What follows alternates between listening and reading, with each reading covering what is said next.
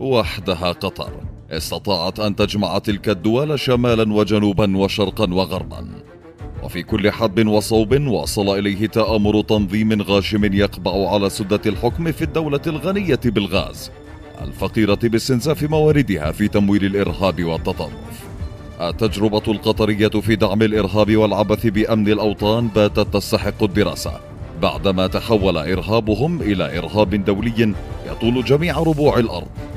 إرهاب وصل إلى حد تسليح بعض جماعات اليمين المتطرف في إيطاليا بصواريخ وضع عليها شعار دولة قطر.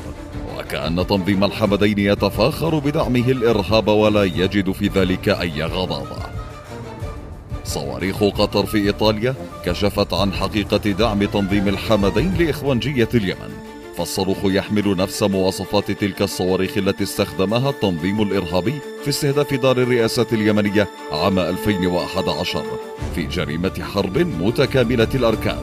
كان تنظيم حمد وحمد الآخر رأس الحربة في التخطيط إليها وتنفيذها.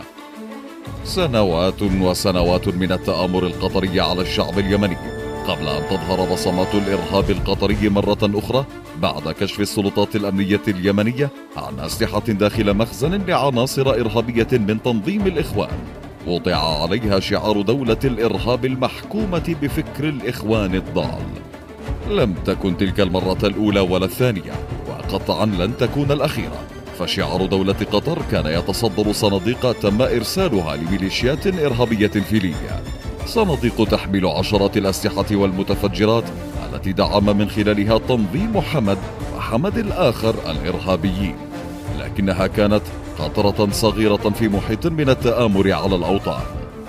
أنا قطر أشكرها شكرا جميلا وثناء عظيما على ما قدمته فقد عملت وسعها وأعطت لنا من المساعدات ما عجز عنه غيرها وتحايلت بكل الوسائل لإعانتنا على إسقاط القذافي يعني أدخلت إلينا السلاح في أحلك الظروف في صورة أدوية من يعمل هذا؟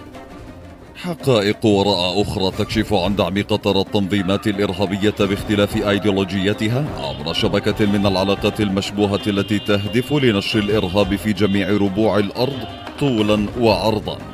خلال سنوات من التآمر على الدول واستنزاف مقدرات قطر بشكل مستمر وممنهج لخدمة مآرب طيور الظلم المتأسلمين حكام قطر الفعليين.